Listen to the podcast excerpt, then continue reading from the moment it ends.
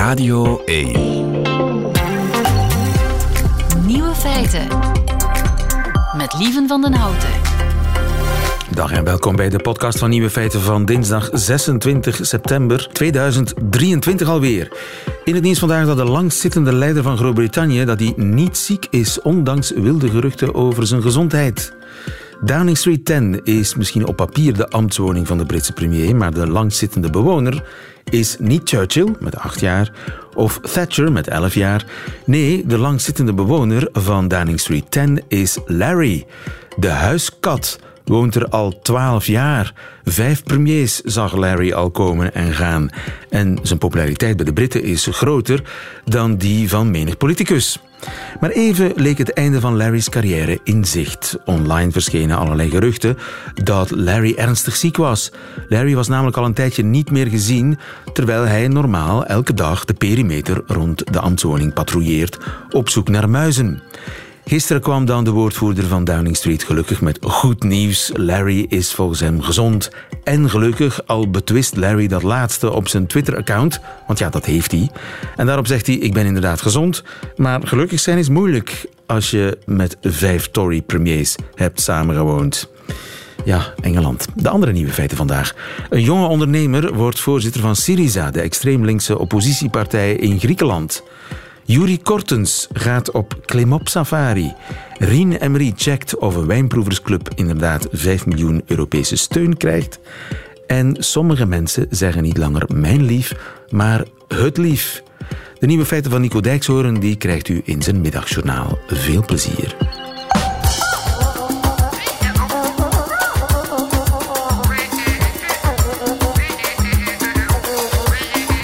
Nieuwe feiten. Radio 1. Een voormalige bankier die voorzitter wordt van een extreem linkse partij. Het is gebeurd in Griekenland. Bruno Tersago, goedemiddag. Goedemiddag, lieve. Bruno, vorige maand was hij nog volstrekt onbekend. En vandaag is Stefanos Kasselakis de nieuwe leider van Syriza, de grootste oppositiepartij van Griekenland. Hoe is dat gegaan? Uh, ja, het, het, komt voor ons ook als een uh, complete verrassing. Want inderdaad, zoals je zei, de man was totaal onbekend. Um, niemand wist wie hij was. Um, maar hij had een, een bepaald charisma, een heel sterke lichaamstaal heeft hij ook. En zijn kandidatuur werd meteen opgepikt door de Griekse media die hem de hele tijd volgden. Ja. Um, dus hij is iemand die. Hij is nogal uitgesproken. Hij is uitgesproken homo. Woont hier met zijn partner, Tyler, een Amerikaan. Uh, en zijn hond. En uh, je ziet hen dagelijks uh, met de hond wandelen. Je ziet hen naar de fitness gaan. ja, dat, dat is dus de hele tijd zo een maand aan een stuk geweest dat, dat de media hem gevolgd hebben. Waardoor hij dus echt in alle huiskamers kwam. Hij wist daarbij ook nog heel goed social media te gebruiken. Hij is heel erg aanwezig op Twitter, op um, TikTok ook, op Facebook wat minder. En hij weet die kanalen heel goed te bespelen, zodat hij de hele tijd ook in uh, de, de media was, in de aandacht was. Ja, en hij heeft um, zichzelf ook voorgesteld in een filmpje, hè? Σε μια οικογένεια με αυτοδημιούργητους γονείς. Η μητέρα μου, οδοντίατρος, δούλευε μέρα νύχτα να στηρίξει τον πατέρα μου όσο εκείνος άρχισε την εταιρεία του. Τελικά αυτή η εταιρεία μεγάλωσε και εγώ βρέθηκα να μεγαλώνω στην Εκάλη. Ja, ja Hollywood-stijl, hè? Een sprookje. Een jonge student in Amerika die het daar helemaal gemaakt heeft. Daar met een man uh, getrouwd is. Die man wordt ook getoond, Tyler. Ja. Uh, ja, het zijn twee filmsterren eigenlijk, zo zien ze eruit. Uh, hij heeft ook voor een bank gewerkt, Goldman Sachs. Ja, precies. Niet de eerste, de beste bank. Goldman Sachs wordt niet bepaald een, een, een is niet bepaald een linkse bank of zo. Uh, en zelf is die, hij noemt zichzelf ook een self-made man. Uh, zelf heeft hij uh, leningen gekregen van Amerikaanse banken, waarmee hij in de scheepvaart is gegaan. Scheepvaart, de Grieken zijn er bekend om. Um, maar dat ze dus uit het niets zomaar een, een reder kunnen worden, dat is wel vrij nieuw. Dus hij heeft zijn eigen rederij opgericht zijn eigen rederij inderdaad opgericht. Um, zo is hij ook naar Griekenland gekomen. Gezegd, hij heeft dus gezegd, ja, ik ben een self-made man. Zijn ouders zijn hier in Griekenland uh, vertrokken omdat ze failliet waren gegaan. Het bedrijf van de vader was failliet gegaan. Zijn dan naar Amerika getrokken. Ehm, het is een beetje een sprookje inderdaad en dat heeft mensen ook aangesproken. Maar wat mensen ook heeft aangesproken is dat hij nieuw is. Uh, zijn tegenkandidaten voor de positie van partijvoorzitter van Syriza waren allemaal een beetje uit, ja, laat ik maar zeggen, een bestofte linkse hoek. Um, heel ideologisch weliswaar, uh, maar ook mensen die zich eigenlijk een beetje hebben verbrand aan de regering Tsipras. Wat bedoel ik daarmee? Um, toen in 2015 Tsipras aan de macht kwam, was dat op een platform van hoop.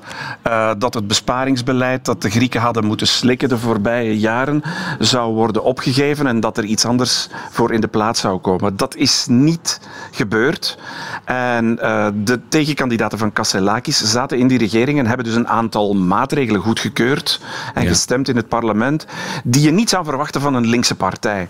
Uh, en je kunt het dus ook een beetje als een afstraffing zien, zeg maar, ja. dat uh, Kasselakis nu partijleider is geworden. Maar ja, ex-bankier, uh, kapitalist eigenlijk, hè, reder.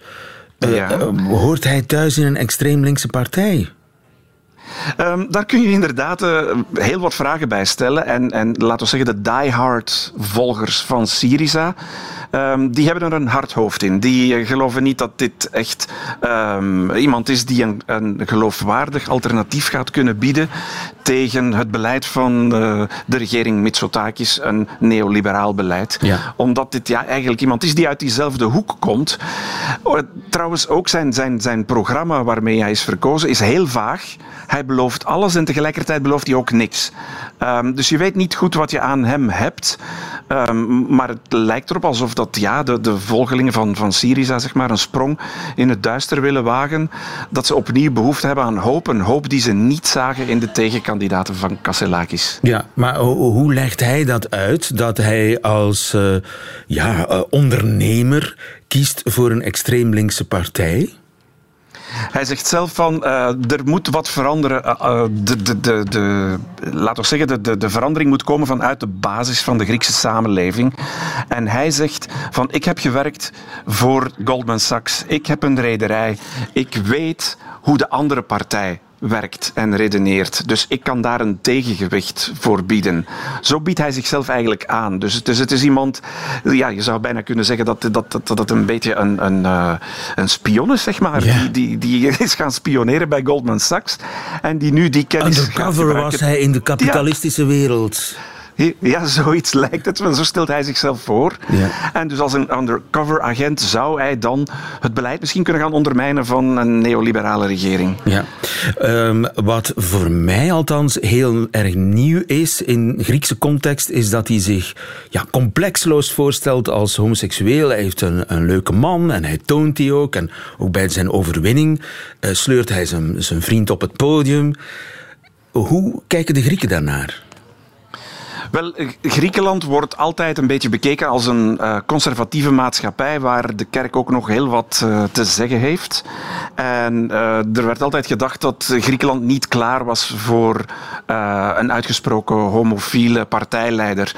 een paar weken geleden in dat verband heeft de regering Mitsotakis even laten vallen dat ze een wetsvoorstel voor het parlement zouden brengen waar een homohuwelijk zou worden toegelaten.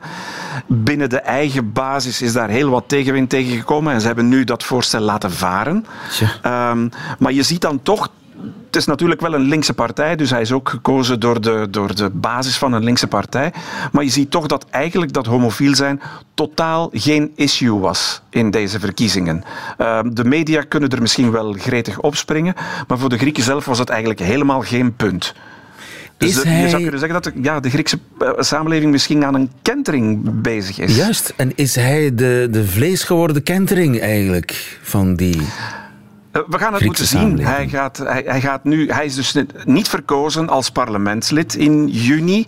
Wat betekent dat hij als, par, als partijvoorzitter niet in het parlement zal zetelen, wat helemaal nieuw is voor Griekse politieke maatstaven. Hij gaat zich nu laten omringen door een aantal mensen binnen de partij zelf. We zien dat daar een aantal um, figuren zullen worden aangetrokken die vroeger uh, meer aansloten bij uh, Alexis Tsipras.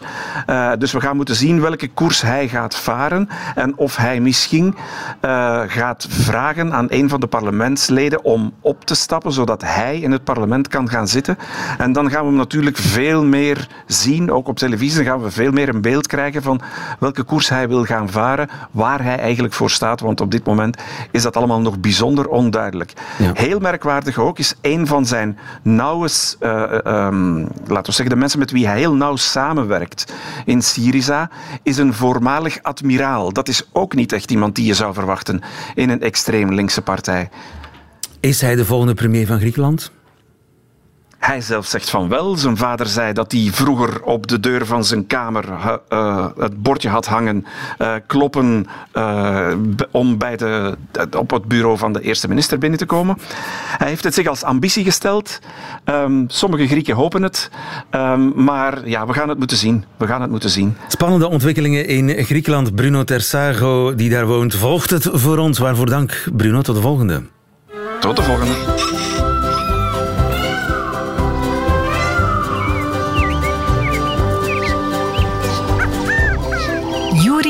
Buiten. Met Juri Kortens. Ja, vorige week stond hij nog op een uitkijktoren in het Weerterbos in Nederlands Limburg. Op de uitkijk voor burlende knobbelherten waren het niet edelherten. Nee, wat, uh, wat, wat, waren het toch alweer? Burlende... Edelherten. Dat edelherten. Was het. Ja. Juri, waar ben je vandaag? Ja, ik moest vandaag in Mechelen op kantoor zijn, dus ik ben naar de kruidtuin afgezet, gezakt, uh, Hartje Mechelen.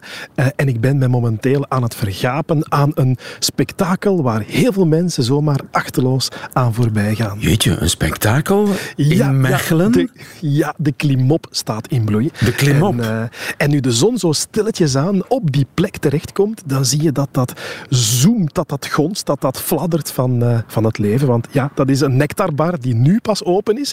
En heel veel insecten gaan daarvan uh, profiteren. Een nectarbar? Ik dacht altijd, klim op des dode boel. Nee, helemaal niet. Helemaal niet. Dus, de meeste mensen houden daar niet van, want die kunnen nogal, uh, nogal explosief toenemen en overal kruipen waar je helemaal niet wil. Maar zo in die stad heb je zo hier en daar van die plekken zoals een, een oude muur of, uh, of, of ja, in dit geval is dat de oude toegangspoort waar dat die klimop naar boven geklommen is. En als die dan een jaar of tien niet gesnoeid wordt, dan komt die prachtig in bloei. Dat zijn ja, geel-groene bloemetjes in, in, in ronde trossen staan die. Uh, en, die staan nu in bloei? Ja, die staan nu in bloei. Dat is typisch het najaar van september tot ergens zelfs eind november, als het een beetje weer is, als het een beetje meezit, dan, uh, dan kan je tot dan bloeiende klimop aantreffen. En zeker in dat warme microklimaat van de stad. Ja, en dat is natuurlijk een magneet voor alles wat fladdert en zoomt. En op zoek is naar nectar. Naar nectar, want die geeft inderdaad ook wel nectar. En dat is een heleboel hoor. Want wat ik nu bijvoorbeeld heel was zie rondvliegen hier. Uh, er zitten wel wat wespen bijvoorbeeld. Er zijn er niet superveel geweest deze zomer. Maar nu op het einde van die zomer, dan zijn hun kolonies toch het grootste. Dus er zijn wat wespen. En wat zij eigenlijk doen is, ja, dat is een beetje het laatste avondmaal zou je kunnen zeggen. Want uh, die, die, gaan misschien nog een paar dagen, hoogstens nog een paar weken meegaan. En dan is het op dan naar Golgotha. Ja, die nesten die vallen uit elkaar. Dus dat, dat, uh, dat is gedaan voor de wespen. Maar er zijn erbij waarbij het ook nog begint. Bijvoorbeeld de, de Atalanta, uh, de dagvlinder, die uh, hier ook rond. En die is aan het tanken om helemaal naar het zuiden van Europa te vliegen. Om daar de winter door te brengen. Uh, dus dan moet je onderweg natuurlijk voldoende energie op gaan doen. En uh, die Atalanta's die zijn nu volop onderweg. De volgende dagen zal je die ook voorbij zien zoeven naar het zuiden. Af en toe stoppen bij zo'n uh, tankstation van Klimop. Ongelooflijk ja, dat zo'n vlindertje helemaal naar het zuiden fladdert. Ja, ja, die fladdert naar daar en die gaat zich daar dan voortplanten. Die leggen eitjes op brandnetels. Het is daar dan ook een beetje terug wat groener aan het worden in het najaar uh, en die winterperiode. En dan daarna komen die nakomelingen volgend jaar uh, terug tot bij ons. Ja. En, en zijn er ook overwinteraars die op dit moment nog een buikje rond aan het smullen zijn aan jouw ja, ja, zeker. Ja, ja, de dagpauwoog, dat is dan die andere vlinder, die zijn ook volop actief nu op dit moment. En uh, die dagpauwoog die overwinteren, die kruipen ergens in, uh, in hoekjes en kantjes, soms zelfs achter uh, zo'n klimop tegen, tussen een muur en klimop, of bij iemand in de kelder bijvoorbeeld, om daar de winter als volwassen vlinder door te brengen. En ze zijn nu op dit moment zo nog net ja, wat krachten aan het opdoen, wat reserves aan het inslaan om die winter door te komen. Ah ja, dus en, ze, ook en op dit moment overwinteren ook ja. daadwerkelijk tussen de bladeren van de klimop. Ja, ja, ja, dat kan effectief. Hè. Zeker in een stad waar het sowieso al een warmer microklimaat is, waar het niet gemakkelijk vriest in die stad zelf, eh, kunnen zij gewoon achter die bladeren van de klimop. Want dat is echt een, ja, een, een, een, muurtje waar dat je achter zit. Eh, en dat geeft een extra isolatie. En dat, dat helpt. Dat is eigenlijk al voldoende voor, eh, voor sommige vlinders om te, om te overwinteren. Dus eh, wij bekijken klimop, of sommige mensen bekijken klimop als iets, eh, ja, een beetje saai. Eh, maar dat is echt een belangrijke, dat is een sleutel, een, een hoeksteen Ja, als het ware. Een hoeksteen van het Ja, stadsleven. Ja, en zeker als die dan tegen hoekstenen omhoog klimmen, is dat zeker de hoeksteensoort. Eh, er is zelfs één bijensoort die, die nu op dit moment pas net aan haar cyclus begonnen is. En die heet dan ook heel toepasselijk de klimopbij of klimopzijdebij. Dat is, een, dat is een solitaire bijensoort en die lust alleen maar stuifmeel van klimop. Dus die is helemaal gespecialiseerd Alleen maar? op dat stuif. Alleen maar. Dus die drinkt ook wel nectar daar, niet van en ook van andere planten. Maar als ze hun larven gaan voeren, dan is dat enkel en alleen uitsluitend met stuifmeel van klimop. En die klimopbij, dat is eigenlijk een soort die, die, die het begin van deze eeuw eigenlijk niet echt in, eh, in Vlaanderen zat. Die is stilletjes beginnen opschuiven en die heeft ondertussen alle, ja, alle steden eh, bereikt. Ingepalmd is wat veel gezegd, maar je kan die nu overal aantrekken. En dan vooral in die stedelijke context, dat is uiteraard een klimaateffect, maar daar is dat nog wel wat warmer. En daar vind je ook vaak eh, ja, op zo'n verlaten hoekje hier en daar een uitbundig bloeiende klimop. Dus ook nu op dit moment de klimop bij, die zo tot, eh, tot half november eh, haar, haar ja, piek van haar, van haar jaar beleeft. Ja, maar eigenlijk moet ik mijn klimop dan gewoon laten doorhoekeren voor hij begint te bloeien. Ja, ja, ja, ja, want als je die te veel snoeit, hè, dan, gaat, dan gaat die niet bloeien. Die heeft echt wel wat, eh, wel wat leeftijd nodig. Hij moet sowieso al een jaar of tien oud zijn voordat hij echt gaat bloeien. Eh, en als je die constant afsnoeit, dan, eh, dan, dan lukt dat niet. Eh, Ja. En als er bloemen zijn, Ja. zijn er dan ook Ja. vruchten later? Ja, ja, dat is dan in, eh, in het hele vroege voorjaar of het einde van de winter. Dat begint in februari, begin maart. Eh, dus dat is nog het einde van de winter. Dan komen daar bessen aan. Eh, in het begin zijn die wat groenig en dan worden die eh, bijna zwart, donkere bessen. En ja, op dat moment zijn die dan weer helemaal in trek voor allerlei vogels. Van merels tot, eh, tot lijsters die weer doortrekken. En, Kun je daar confituur van maken? terugkomt. Nee, nee, het is eigenlijk heel veel pit en weinig bes dat daarin zit. Dus het lekker. is niet echt iets voor ons. Ik heb het zelf nog niet geproefd. Nee. Dus Nee. Het, is echt, het is echt zo een van Laat het aan de beestjes, typische hè. vogelbes. Ja, ja, Laat ja, het laat, de maar daar. En je kan daar ja, heel, vaak, heel vaak heel wat vogels in aantreffen in die periode. Ja, mensen zijn ook bang van klimop omdat het eh, ja, de muren zou aantasten, bomen zou aantasten. Klopt daar iets van? Ja. Wel, ik heb eigenlijk al heel vaak eh, het woord parasiet gehoord in combinatie met klimop. Maar klimop is geen parasiet. Het, eh, je gaat wel een beetje profiteren van de steun die een muur of een boom kan geven. Maar die gaat bijvoorbeeld geen eh, voedsel uit die boom halen. Die heeft alleen maar kleine hechtworteltjes, waarmee dat die naar boven gaat. En het enige wat die misschien kan doen, is een klein beetje concurreren met de blaadjes van de boom zelf voor, voor licht, Voor licht. helemaal van boven. Want ja, hij wortelt ook in de grond, hè? Ja, hij wortelt ook in de grond. Daar haalt hij zijn voedsel. Ja, zijn water, zijn voedingsstoffen naar boven gaat. Niet ook uit aan boom. fotosynthese Ja. doen, niet uit de boom. En dus ook niet uit de muur. En normaal gezien, eh, normale, moderne muren hebben daar ook geen last van. Hè. Dus als je, als, je, als je een mortel hebt gebruikt op basis van cement, dan gaat hij daar niet veel mee, mee kunnen aanrichten. Gaat hij die niet kunnen eh, doorboren of, of, of daar, daar, daar stukken uithalen. Alleen met heel oud metselwerk. En dat is eigenlijk metselwerk van ja, toch wel een eeuw geleden, waar er meer zavel dan cement werd gebruikt. Heel bros metselwerk. Dan kan zijn dat, je, dat, dat die daar, die worteltjes, te diep in, Ja. de, in de groeven gaan of in de Zeg, gaan. terwijl jij zit te praten over klimop, heb ik eh, mail gekregen van Heidi. Ja? En Heidi heeft ooit eh, horen waaien dat je zeep kunt maken van klimop. Ja, Klopt dat? klopt ook. Ja, ik heb het zelf nog niet geprobeerd, maar ik heb inderdaad ook wel letterlijk dat al, eh, al, al van iemand gehoord. En dat eh, men zou dan klimopblaadjes nemen, dacht stuk 50 gram ongeveer per, per 1 liter water. Hup, de blender in. Dat zit vol met saponines, dus dat, dat eigenlijk die schuim... Saponines, ja, het woord zegt Ja, het al, hè? Sap, Dat is zeep, hè, dus dan gaat, dan gaat dat die, die, die schuim. En dan ga je dat heel even koken. Dan is het een soort van sterilisatieproces. Je filtert dat en dan heb je eigenlijk een vloeibaar, eh, een vloeibaar wasmiddel waarmee je eh, bijvoorbeeld de vaat kan doen of je handen wassen. Ehm, dus dat kan inderdaad. Zit En vol het met, werkt eh, met echt. saponines en maar je zo. hebt het zelf nog niet werkt, geprobeerd. ja. Dat, je stelt me teleur, geprobeerd. Je Ja, stelt ja, me teleur. Ja, Ik ja. dacht, huizen Jury zit vol met klimopzeep. Nee? Wel, ja, maar ik laat die klimop leveren aan die beestjes Ja. daar. Want, Maar als je dan toch snoeit, dan kun je eigenlijk in een blender stoppen, aan de kook brengen, filteren en... En je hebt een volledig natuurlijke zeep die. eh Heidi, die ook nog probeer het uit en laat ons weten of ja, je handjes proper zijn. Ja, ja, ik hoor het ook graag. Dus Heidi, zeker, zeker en vast. Jury Kortens, nog veel plezier aan de klimopmuur in eh, Mechelen aan de Kruidtuin. Sta ja, je? ja, daar sta ik. Ik ben benieuwd waar je volgende week belandt, Jury. Tot dan. Tot dan. Nieuwe feiten. Radio 1. Pompt de Europese Unie 5 miljoen euro in een wijnproeversclub.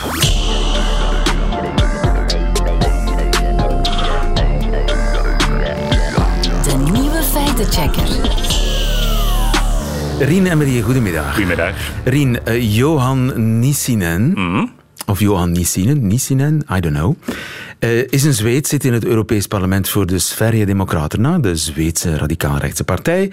En hij stuurde enkele dagen geleden deze tweet de wereld in. Att EU gillar vin, det visste ni säkert redan. Men att man la 54 miljoner kronor på en vinprövningsklubb i Luxemburg, det tror jag inte ni visste. Det är väldigt många märkliga saker EU spenderar våra skattepengar på. Det är dags att vi stoppar slöseriet nu. Slöseriet. Spelling. Eh, verspilling, inderdaad. Hij komt uit het zuiden van Zweden, want daar spreken ze Zweeds met een R. Vind ik heel raar. Het wordt tijd dat we deze verkwisting stoppen, zegt deze Johan Nissinen. We weten dat ze van wijn houden eh, bij de EU en dat ze aan de raarste dingen geld spenderen. Maar 54 miljoen kroner, 54 miljoen kronen, oftewel eh 5 miljoen euro ongeveer, eh, dat ze dat aan een wijnproeversclub in Luxemburg spenderen, dat is toch echt wel een schande. Rien, ik Ja. ruik een zaak voor jou. Ja, ik rook die ook. Bestaat er een wijnproeversclub in Luxemburg die 5 miljoen subsidie krijgt van de Europese Unie? Ik heb dat uitgezocht. Eh, het was niet simpel, maar ik zal even eh, zeggen wat ik gedaan heb om tot het antwoord te komen. Ehm, als je dat gewoon googelt, Wijnproeversclub Luxemburg in verschillende talen, vind je niks. Hm? Ik heb het gevraagd aan zowel de heer Nissen zelf als aan zijn fractie. En eh, heeft hij Hij geantwoord? heeft niet geantwoord. Hij Oh. heeft niet geantwoord. Wat ik niet verwachtte, maar wat. Ehm, dus ik ben verder gaan zoeken. Ik heb het dus gevraagd aan een kennis die iemand kent, namelijk een Luxemburgse journalist die zich buigt over Europese zaken. Diego heet hij. En ik zeg van, als er ergens iets van zo'n hoog bedrag naar een wijnproeversclub in Luxemburg gaat, die moet dat weten, die Diego. Ik bel hem op. Eh, hij weet van niks. Hij weet, eh, weet niet waar het over gaat. Ik contacteerde een aantal collega's, journalisten, die zich ook met Europese zaken bezighouden. Eh, die hebben er ook nog nooit van gehoord. Eentje zegt van, pas op, ik heb het WhatsApp-nummer van de parlementair medewerker van Nissen. En ik ga hem een berichtje sturen. We stellen de vraag aan hem. Hij antwoordt ook niet. We weten het nog altijd niet. In het Engels, hè? Ja, eh, Of in het Zweeds? ik, ik- In wel, je beste Zweeds? in het Engels, ze moeten Engels kunnen Ja, daar, hè, oké. dat- in het Europees parlement. Ehm, geen antwoord, dus nergens antwoord. Niemand kan mij zeggen waar die wijnproeversclub of waar dat op slaat, dat bedrag van 5 miljoen euro, dat daar zo naartoe gegaan zijn. Ehm, maar dan is de doorbraak gekomen in de zin van, als je kijkt naar een aantal andere filmpjes die diezelfde Nissen opneemt, zie je dat hij regelmatig eh, tegen verspilling van Europees geld aan het pleiten is. En hij haalt daar een aantal voorbeelden voor aan. En die zogenaamde wijnclub was maar eentje. Er is nog een andere voor een fitnesscentrum voor honden. EU spenderade 4 miljoner kronor på ett rehabilitering och fitnesscenter i Ungern för hundar. Ta in det en gång till, för hundar. Hunda voor honden, een fitnesscentrum voor honden in Hongarije. Ja. Daar heeft de Europese Unie 4 miljoen kronen, 400.000 euro. Dat, zegt hij. En een beetje verder zien we nog een filmpje waar hij Haribo-snoepjes neemt, van die gummibeertjes, en hij plant die in een, in een eh, bloem, bloempot op zijn terras. Ni kanske undrar vad jag står här och gör? Jag planterar faktiskt gummibjörnar. För Haribo fick ett jordbruksstöd från EU på 3,5 miljoner kronor. Så uppenbarligen så planterar de också godis någonstans. Ja, de Europese Unie krijgt 3, of geeft 3,5 miljoen eh, kronen aan Haribo. Ja. Landbouwsubsidies. Ja. Maar ja, Haribo heeft geen enkele landbouwactiviteit. Nee, voilà. Dus er is, een, er is een kleine rode lijn hier tussen. Hij, kan zich tegen verspilling van EU-geld en dan heeft hij een aantal casussen die hij gewoon in filmpjes op sociale media uh, uh, naar voren brengt. Maar het klopt niet altijd. Laten we beginnen met Haribo. Haribo heeft geld gekregen van de Europese Unie. In 2008 dus al uh, heel lang geleden ondertussen. En dat was uh, geen echte landbouwsubsidie, maar was een soort uh, eigenlijk subsidie om Europese suiker aan te kopen in plaats van de goedkopere suiker op de wereldmarkt. Zo zijn er een aantal snoepfabrikanten die suikersubsidies gekregen hebben, die dan uit de pot met, met landbouwsubsidie gehad kwamen. Ja. Daar was hij tegen, maar hij zit nog maar een jaar in het Europees Parlement. En dat is een zaak van 15 jaar geleden. Beetje vreemd. de honden, de Hongaarse hondenfitness, was ook een, een, een bedrag dat wel degelijk uitgekomen is. Uh, maar het was een frauduleuze zaak, waarbij dat, uh, een bepaald bedrijf dat ondertussen lang failliet is, uh, ja, Europese subsidies had gevraagd en gekregen en dan die volledig mismeesterd heeft. dus het was wel een kwestie die, die echt was. En dan de Wijnproeversclub in Luxemburg. Die, die bestaat, die bestaat, er bestaat een Wijnproeversclub in Luxemburg, maar die heeft geen 5 miljoen euro gekregen. Waar dat bedrag op slaat, is voor de aankoop, opnieuw ook in 2009 al, van een gebouw in Luxemburgstad, de Foyer Européen. Een groot gebouw waar een restaurant in zit en waar mm, tientallen culturele organisaties zitten, Europese culturele organisaties. Dus een soort cultureel centrum van de Europese instellingen. En ze hebben daar een gebouw voor gekocht, het gebouw waar ze al in zaten, dat ze voordien huurden. Ja. Dus het is eigenlijk een toevoeging aan de vastgoedportefeuille van eh, de Europese Unie of zo. Maar uh, één van die clubs die daarin zit, dat zijn Les Amateurs du Vin. Aha. De wijnliefhebbers. Dus die huren daar, of die krijgen daar af en toe een lokaaltje om uh, wat wijnproefactiviteiten te doen. Maar dat er dus 5 miljoen euro naar dat ene clubje zou gaan, dat, dat klopt natuurlijk niet. Dus bij deze gecheckt en uh, te licht bevonden. Het is, het is uh, oh, ja, zo werkt dat. Hè. Een klein dingetje en daar dan uh, dat echt is. Ik bedoel, is er is zo... een wijnproeversclub die in een gebouw van de Europese Unie. Maar die krijgt 0 euro. Ze mogen alleen wat, wat gratis dingen huren. En het, het is eigenlijk. Ja, je, je kanten tegen Europese verspilling van geld kan gerust. Er is toevallig gisteren nog een groot rapport verschenen van de Europese Rekenkamer, die zich zeer kritisch uitlaat over alle subsidies die naar de wijnsector gaan in Europa. Je had dat kunnen gebruiken, maar hij kiest dus voor ja, een half juist, half nep verhaaltje dat eigenlijk al 15 jaar oud is. Spijtige zaak. Rien en Marie, dankjewel. Goedemiddag.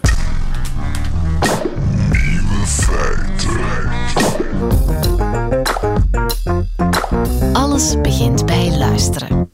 Het is u misschien ook al opgevallen, mensen die zeggen het lief, als ze bedoelen mijn lief. Het lief is op bosklas, bijvoorbeeld. Of de dochter, in plaats van mijn dochter. De dochter doet een dutje. Ik vind dat raar. Sterre Leufkens, goedemiddag. Goedemiddag. Je bent taalkundige aan de Universiteit van Utrecht en hebt over deze kwestie ook een artikel geschreven in mijn lijfblad Onze Taal. Klopt, ja. Tijdschrift geheel gewijd aan het Nederlands. Uh, het is een nieuw feit hè? in het Nederlands. Niet zeggen mijn zoon, maar de zoon. Klopt, ja. Er zijn wel woorden waarbij het al vaker gebeurde. Dus wat we al heel lang tegenkomen is dat mensen bijvoorbeeld vragen... en hoe is het met het vrouwtje? Ja, een beetje erger, maar die zien we allemaal langer. Moeder de vrouw, dat werd ook al langer gezegd. Hè? Ja, Moeder precies, dat is ook een bekende. Maar we zien nu dat het met, uh, met meer woorden kan. Dus inderdaad ook met dochter en zoon of met de driejarige of het lief, zoals je al zei. De driejarige. Ja. En is dat iets wat mensen in het dagelijkse verkeer, het omgaan met elkaar in gesprekken tegen elkaar zeggen? Nee, in gesprekken komt het volgens mij niet zoveel voor, maar we zien dit heel veel in tweets. Um, dus op Twitter, of X moet ik eigenlijk Ja, ik blijf gewoon Twitter zeggen. Het kan niet schelen. Ja, ik toch ook. Ja, oké, okay, doen we. Laten we dat uh, En we zien het ook in, uh, in, columns. In, uh, er zijn een paar columnisten die het heel veel doen. Bijvoorbeeld Eva Hoeken, die in de Volkskrant schrijft. veel mensen zeggen dat zij ermee is begonnen om haar, haar echtgenoot Marcel van Rosmalen om die de man te noemen. Oké, okay, dus we hebben een, een vrouw die ermee begonnen is. Hoe heet ze ook alweer? Eva Hoeken. Eva Hoeken is ermee begonnen. Zijn we dat, dat zeker? Uh, dus ze is in ieder geval uh, een groot gebruiker. En uh, veel mensen kennen het van haar. Ja. En is het de, ja, denigrerend bedoeld? Want ja, je anonimiseert je familie eigenlijk. Je distancieert. Je zegt niet mijn Klopt. dochter, je zegt de dochter. Alsof Ja, je er niks ja. mee te maken hebt. Precies, je maakt er een soort typetje van. Um, en vaak zien we het ook terug in dat soort, soort tweets, uh, waarbij een soort tafereel wordt beschreven. Iets wat uh, kenmerkend is voor die generatie. De puber hangt weer op de bank of zoiets. Of uh, de peuter stelt de hele tijd vragen. Dus het is inderdaad een beetje anonimiserend. En dat is ja, niet heel vriendelijk. Niet heel vriendelijk, ironiserend misschien. Is precies, het, is het, precies, ironisch. ja. ja. meer liefdevol uh, ja, niet, kunt niet zeggen dat het kwetsend is, het is maar het is uh, liefdevol kritisch. Ja, precies. Het creëert een soort afstand. En dat is natuurlijk uh, gek om te doen bij iemand die, met wie je juist zo'n intieme relatie hebt als met je kind of met je partner. Ja. Maar zeg je ook de moeder? Uh, minder. We, ik heb daar onderzoek naar gedaan samen met Michelle Suikerbijk en Martin van der Meulen. En uh, wij zagen het vooral met woorden voor kinderen en uh, partners. Uh, en wat minder voor ouders en grootouders. Dus je zegt wel, uh, de puber hangt op de bank, maar niet zo snel de oma is op bezoek geweest of zoiets. Ja, ja. Dat, uh, en is, denk je dat het een modefenomeen is? Dat het, ja, iemand op, is er mee begonnen op een, in een column en dan leidt het een leven op Twitter. En dan, ja. dan, ja, dan ja, breidt het zich zo een beetje uit, dat gebruik. Een beetje wel, ja. Zie je dat blijven of zie je dat weer weg hebben? Ik denk dat de piek al een beetje geweest is. Ik heb het idee dat het inderdaad ja, dat begint dan bij iemand uh, in een column en dan vinden mensen dat grappig. Het is een soort, uh, ja, het heeft een komisch effect. Dus mensen gaan dat dan ook doen. En op een gegeven moment is de populariteit wel zo'n beetje voorbij. Maar ik heb wel het idee dat er iets met die lidwoorden aan de hand is. En dat we het misschien wel uh, bij sommige woorden zullen blijven doen. Aha. Zoals? Welke woorden? Nou ja, bijvoorbeeld die woorden voor partners daar is het wel heel populair om te zeggen: uh, de vriend en ik gaan morgen naar een feestje. Um, uh, ook een tweet die we in onze verzameling hadden is: wachten tot de hubby met de lumpia's thuiskomt. De, de, de wat? De hubby. De hubby? De, hubby. Kort de husband. husband. Oh. Precies, ja. Oké. Okay. Dat, uh, dat verschijnsel, ja, dat zien we toch wel heel veel. Dus misschien dat dat in enige vorm wel blijft. Ben je zelf een fan? Niet zo, geloof ik. Ik geloof niet dat ik het zelf veel gebruik. Je houdt er niet van? Nee, maar ik twitter ook niet zoveel. Sterre Leufkens, uh, we wachten af wat er met dat... Uh, heeft, heeft het fenomeen al een naam eigenlijk? Een, een, een soort familiaal lidwoord? Ja, we hebben het zelf familielidwoorden genoemd familielid worden. Ik ben ja. benieuwd of ze uh, blijven of uh, over een paar jaar alweer lang vergeten zijn. Sterre Leufkens. We houden het in de gaten. Jij houdt het vooral in de gaten voor ons. Yes. Laat het ons weten als het zover is. Sterre, dankjewel. Nog een fijne dag. Van hetzelfde. Radio 1. Nieuwe feiten. En dat waren meteen alle nieuwe feiten van deze 26 september 2023. Alleen nog die van Nico Dijkshoorn. Die krijgt u nu in zijn middagjournaal. Nieuwe feiten. Middagjournaal.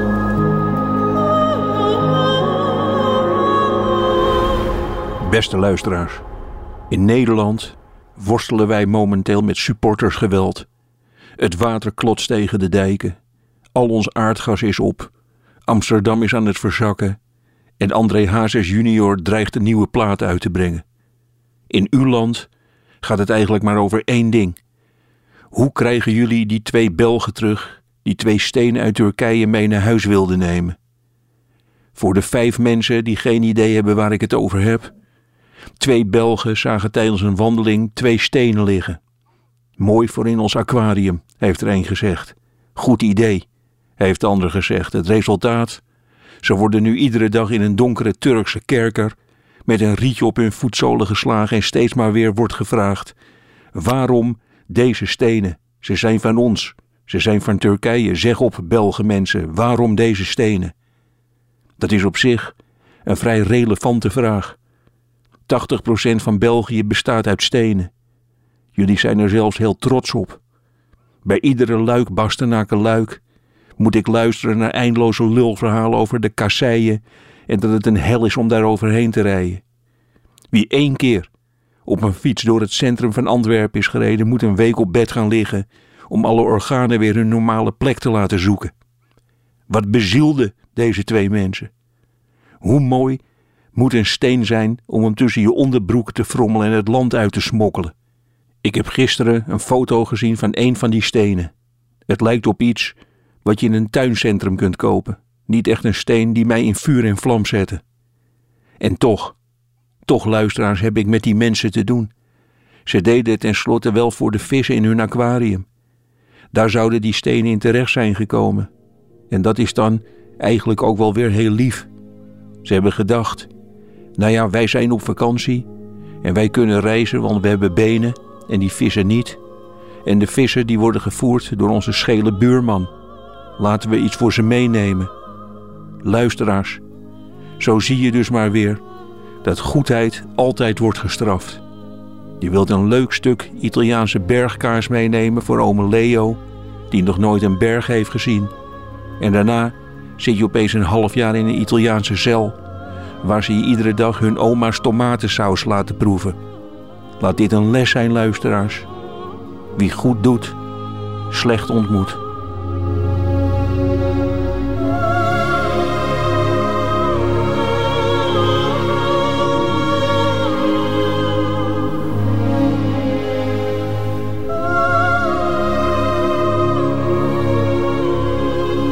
Sprookjes van ome Nico. Nico Dijkshoorn in het middagjournaal. Einde van deze podcast. Hoort u liever de volledige nieuwe feiten met de muziek erbij? Dat kan natuurlijk elke werkdag live tussen 12 en 1 op Radio 1. Of on demand via de Radio 1 website of app. Tot een volgende keer.